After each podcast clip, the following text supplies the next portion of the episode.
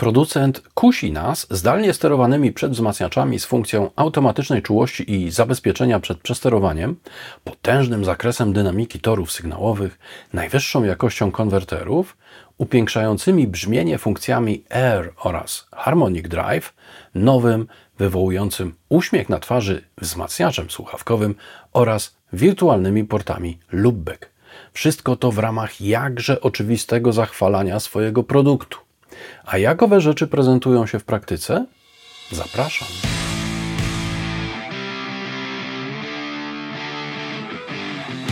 Tomasz Wróblewski, 0db.pl. Co tydzień znajdziesz tu nowe testy, prezentacje i porady z zakresu produkcji muzycznej i pro audio, a także felietony bez kompresji i dekonstrukcje znanych utworów. Aktualnie dostępna czwarta generacja prawdopodobnie najpopularniejszych interfejsów audio na świecie, jakimi są Focusrite Scarlett, składa się z trzech modeli Solo, 2.2 oraz 4.4. Są one sprzedawane samodzielnie lub w zestawach z mikrofonem i słuchawkami, doskonałych dla osób początkujących. Model 2.2 opisywałem szerzej tutaj, ale od tamtego czasu zaszły istotne zmiany w oprogramowaniu Focusrite Control 2, dlatego uznałem, że warto je pokazać przy okazji przyglądając się bliżej modelowi 4 i 4.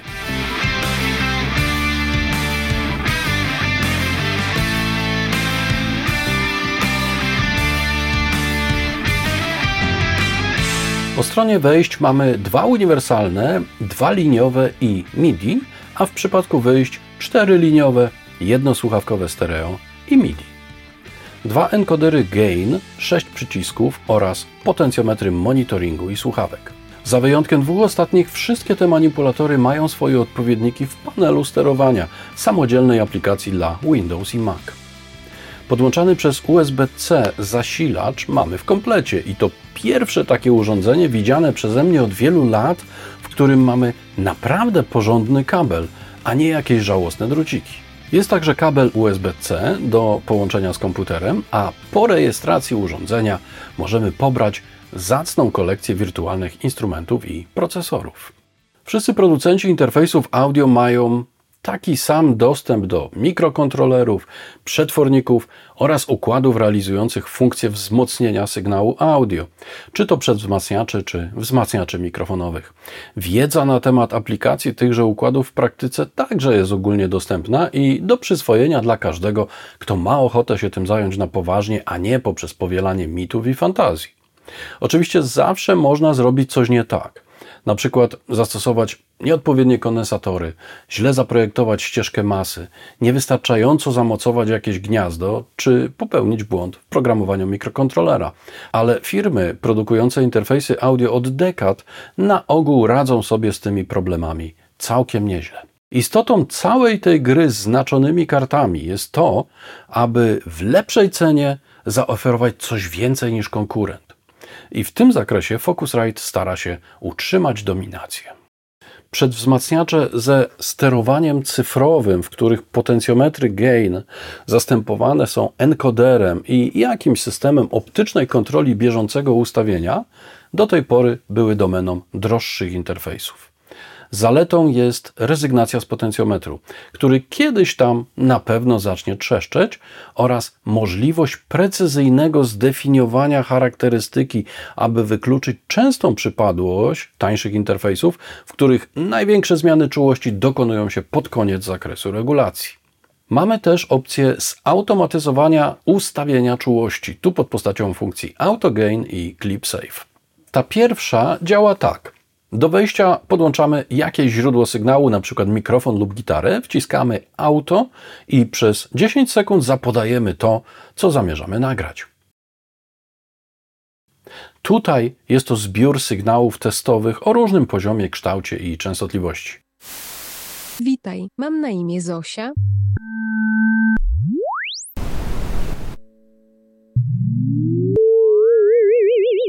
Normalnie ustawiłbym gain tak, aby zachować dla poziomów szczytowych 12 dB odstępu od tu prezentowanego poziomu 0 dB. Witaj, mam na imię Zosia.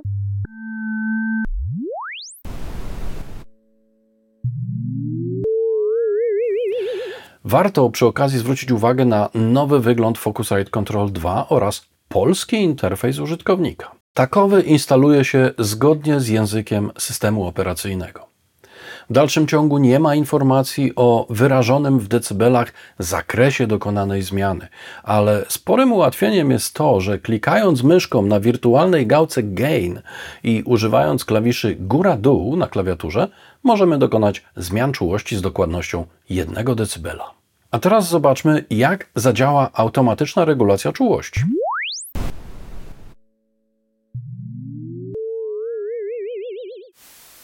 Witaj, mam na imię Zosia.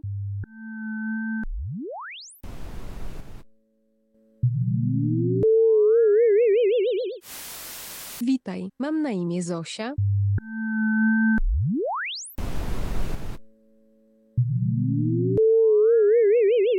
Automat wykazał się większą wstrzemięźliwością i zdefiniował gain 6 dB poniżej mojego ustawienia. Natomiast w przypadku sygnałów o silnie impulsowym charakterze, tak jak tu,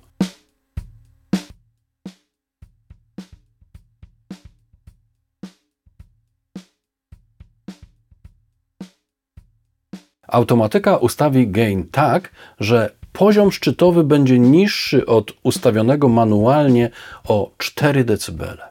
Z tego wynika, że bazą, na jakiej działa algorytm automatycznego ustawienia czułości, jest pomiar maksymalnej wartości RMS. Bardzo poprawnie.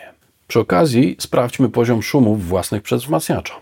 Do wejścia mikrofonowego podłączam tłumik o impedancji 1,2 kΩ, aby przedwzmacniacz widział jakieś normalne obciążenie.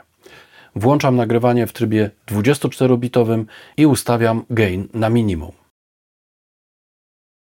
Teraz przekręcam na maksimum i znów na minimum. Powiększymy widok, aby upewnić się, że rzeczywiście coś się nagrało. Zaznaczam fragment z minimalnym ustawieniem gain. Odczyt uśrednionego poziomu RMS wskazuje na minus 116 dBFS. Po wzmocnieniu tego szumu i przełączeniu wskazań analizatora na widmo bez aplikowania ważenia, widzimy, że jest on bardzo wyrównany pasmowo. W tym temacie nikt nas nie zamierza oszukiwać. Jest po prostu zawodowo. Zobaczmy teraz inną sytuację.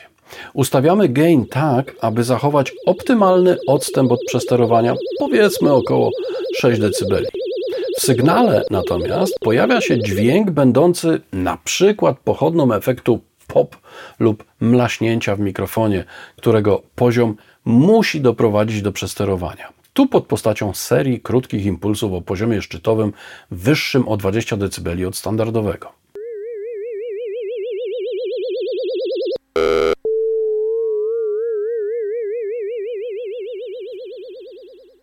Na nagraniu wyraźnie widać, że impulsy doprowadziły do przesterowania sygnału. Teraz aktywuję funkcję Save i ponownie odtwarzam sekwencję testową.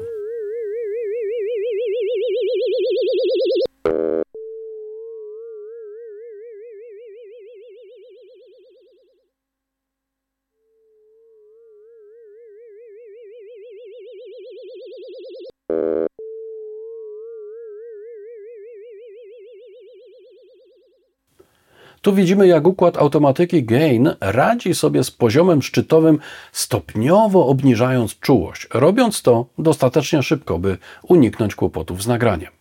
Zaletą tego rozwiązania jest to, że automat szybko, bezboleśnie i bez konieczności powtarzania nagrania skoryguje za nas czułość, co potem trzeba będzie oczywiście skompensować w samym nagraniu. Po zadziałaniu ściszenia czułość bowiem nie wraca do poprzedniego poziomu. Gdyby tak było, mielibyśmy do czynienia z limiterem, a producent za wszelką cenę chciał uniknąć ingerencji w dynamikę nagrywanego sygnału. Nie wiemy jednak o ile decybeli czułość została zmniejszona, więc chcąc wrócić do poprzedniego ustawienia, trzeba trochę zgadywać. No cóż, sprawę definitywnie załatwiłyby dwustopniowe przedwzmacniacze, 32-bitowe przetworniki działające zmienno-przecinkowo i w ogóle rezygnacja z regulatora gain. Ale póki co w przypadku nagrań studyjnych rzecz ta nie jest palącą potrzebą. Co innego w nagraniach poza środowiskiem studyjnym, gdzie coraz częściej mamy do czynienia z tego typu rozwiązaniami. To ciekawy temat na zupełnie inne rozważania.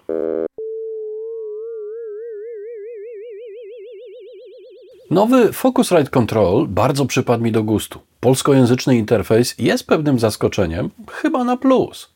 Warto wiedzieć, że funkcje Save oraz Air nie działają z próbkowaniem poczwórnym, czyli powyżej 96 kHz. Wejścia liniowe 3 i 4 nie mają żadnej regulacji, a co za tym idzie, funkcji połączenia do pracy stereo. Wewnętrzny DSP jest odpowiednikiem trzech mikserów, tu oznaczonych jako A, B i C.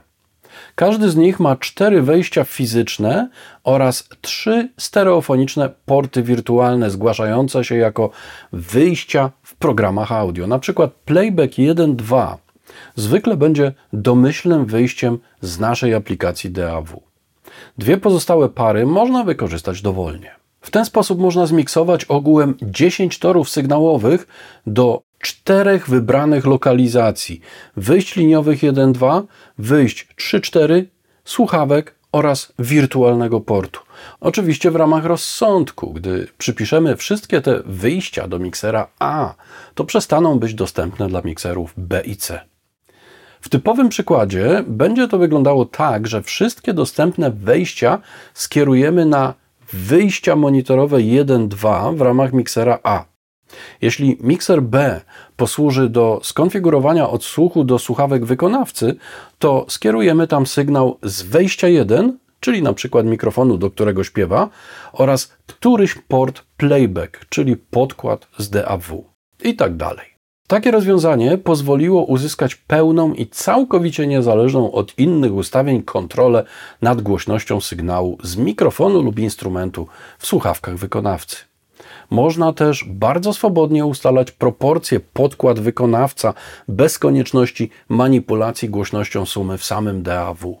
Nikt nie będzie miał podstaw marudzić, że się słabo słyszy albo że podkład jest za głośno, jak to często bywa w interfejsach z pasywną realizacją monitoringu. Jeszcze jakby pojawiła się funkcja odwracania biegunowości, co niesamowicie wpływa na to, jak słyszymy samego siebie, to byłoby genialnie. Air występuje tu w dwóch trybach: Presence oraz Presence and Drive. Chyba wszyscy lubią, gdy dźwięk jest jaśniejszy i stąd obecność tej funkcji. Wielu osobom przypadnie do gustu, zwłaszcza, że została podparta legendą historycznych konsolet Focusrite zbudowanych jeszcze przez Ruperta Neve dla firmy George'a Martina, noszącej nazwę Air. W praktyce rzecz jest realizowana przez DSP interfejsu już po stronie cyfrowej, zatem nie widzę problemu w zastąpieniu jej jakąś wtyczką w DAW. Ale dla podcasterów i osób, które ograniczają się tylko do nagrań, taka robiąca dobrze rzecz już w samym interfejsie to bardzo przydatna funkcja. Popieram. R wprowadza charakterystykę często określaną jako tilt, tłumiąc o 2 dB częstotliwości poniżej i wzmacniając o 2 dB pasmo powyżej 1 kHz.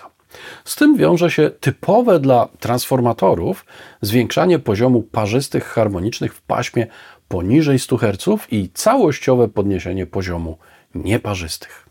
Funkcja Drive wprowadza tłumienie dla 500 Hz i jeszcze mocniej eksponuje wysokie tony, a zniekształcenia wkraczają już w obszar wyraźnie słyszalnych w zakresie do 1 kHz. Mówiąc innymi słowy, dźwięk staje się jaśniejszy, bardziej klarowny i cieplejszy. Nie będę w tym materiale rozbierał tego interfejsu na czynniki pierwsze, pokazywał co ma w środku i jak działa każda rzecz, bo mam wrażenie, że większość przydatnych informacji zawarłem już w teście 2.2 czwartej generacji, do którego odsyłam zainteresowanych. Cieszę się, że problem z odsłuchem, o którym wówczas wspomniałem, został całkowicie i w satysfakcjonujący sposób rozwiązany. Nowy Scarlett Control wygląda i działa bardzo efektownie, a parametry samego interfejsu predestynują go do zastosowań profesjonalnych wszędzie tam, gdzie nie są potrzebne porty cyfrowe lub synchronizacja word clock. Mamy natomiast MIDI, co pozwala wykorzystać przykład MTC, MIDI Time Code, albo połączyć się z syntezatorami pod kątem sterowania ich pracą. Wejścia liniowe nie transferują sygnałów napięciowych, są standardowymi portami audio. Za to wyjście słuchawkowe zostało przystosowane do współpracy z każdego typu słuchawkami i nikogo nie rozczaruje swoją wydajnością i brzmieniem. Pod względem funkcjonalnym i jakościowym to kawał porządnego sprzętu za relatywnie nieduże pieniądze to w końcu cztery wejścia i cztery wyjścia analogowe, trzy pary portów wirtualnych, interfejs MIDI, czterokanałowa konwersja 24-bitowa z próbkowaniem 192 kHz, mocarny wzmacniacz słuchawkowy, dwa przedwzmacniacze z automatyką czułości, trzywarstwowy mikser DSP oraz ciekawy podbarwiacz nagrywanego sygnału. Zasugerowałem w zajawce tego filmu, że być może w pewnych okolicznościach, z jakiegoś punktu widzenia, ewentualnie, jest w nowych interfejsach Scarlett coś, co można określić jako ale.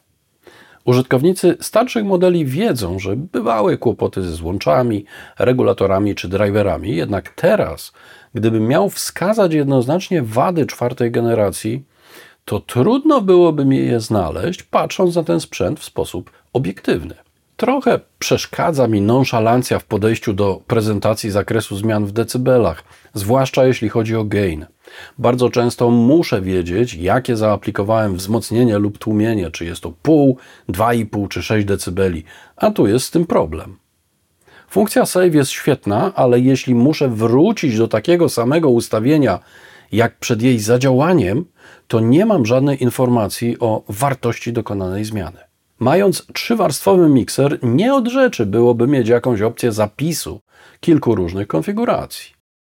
A tak przy okazji, bardzo proszę o funkcję zmiany polaryzacji sygnału na wejściach 1-2. Przy tak funkcjonującym mikserze odsłuchowym to rzecz wręcz niezbędna. Zrobię kiedyś o tym materiał, bo mało kto zdaje sobie sprawę z powagi sytuacji. Nie wiem jak inni, ale ja mam pewien problem z apetytem na moc obliczeniową przejawianym przez Focusrite Control 2, tak po stronie CPU, jak i GPU. Wiem, że monitor aktywności nie jest w pełni wiarygodnym narzędziem oceny zużycia zasobów, ale te stabilne 10% mojego M1 Pro wcale nie słabego dla siebie zagarnia. Na całe szczęście wszystko, o czym tu wspomniałem, to rzeczy, które można poprawić na drodze aktualizacji, a i tak już w tym zakresie zrobiono bardzo dużo. Sprzętowo, brzmieniowo i funkcjonalnie żadnych pytań. Mamy tu wszystko, co pozwala trzymać się 0 decybeli. PL